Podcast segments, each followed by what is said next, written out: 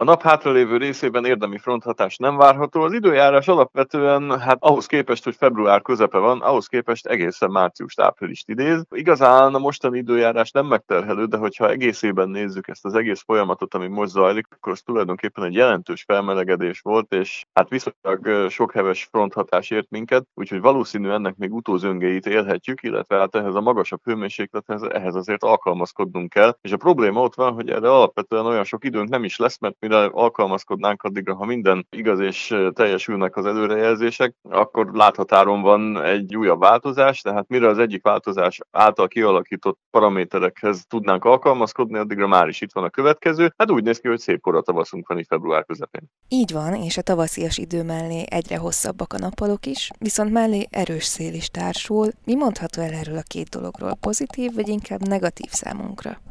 Hát az egyik az pozitív, a másik pedig nyilván negatív elsősorban. A szeles időjárást azt nagyon sok szempontból nem szeretjük. Alapvetően a szélnek ha az egészségi állapotunkat befolyásoló hatásait nézzük, akkor túl sok pozitívuma nem tud lenni. Szeles időjárásban felfájósak leszünk, ingerlékenyek leszünk, kevésbé tudunk koncentrálni, kevésbé jól tudunk ilyenkor teljesíteni, még egyébként az alvás minősége is romolhat ilyenkor.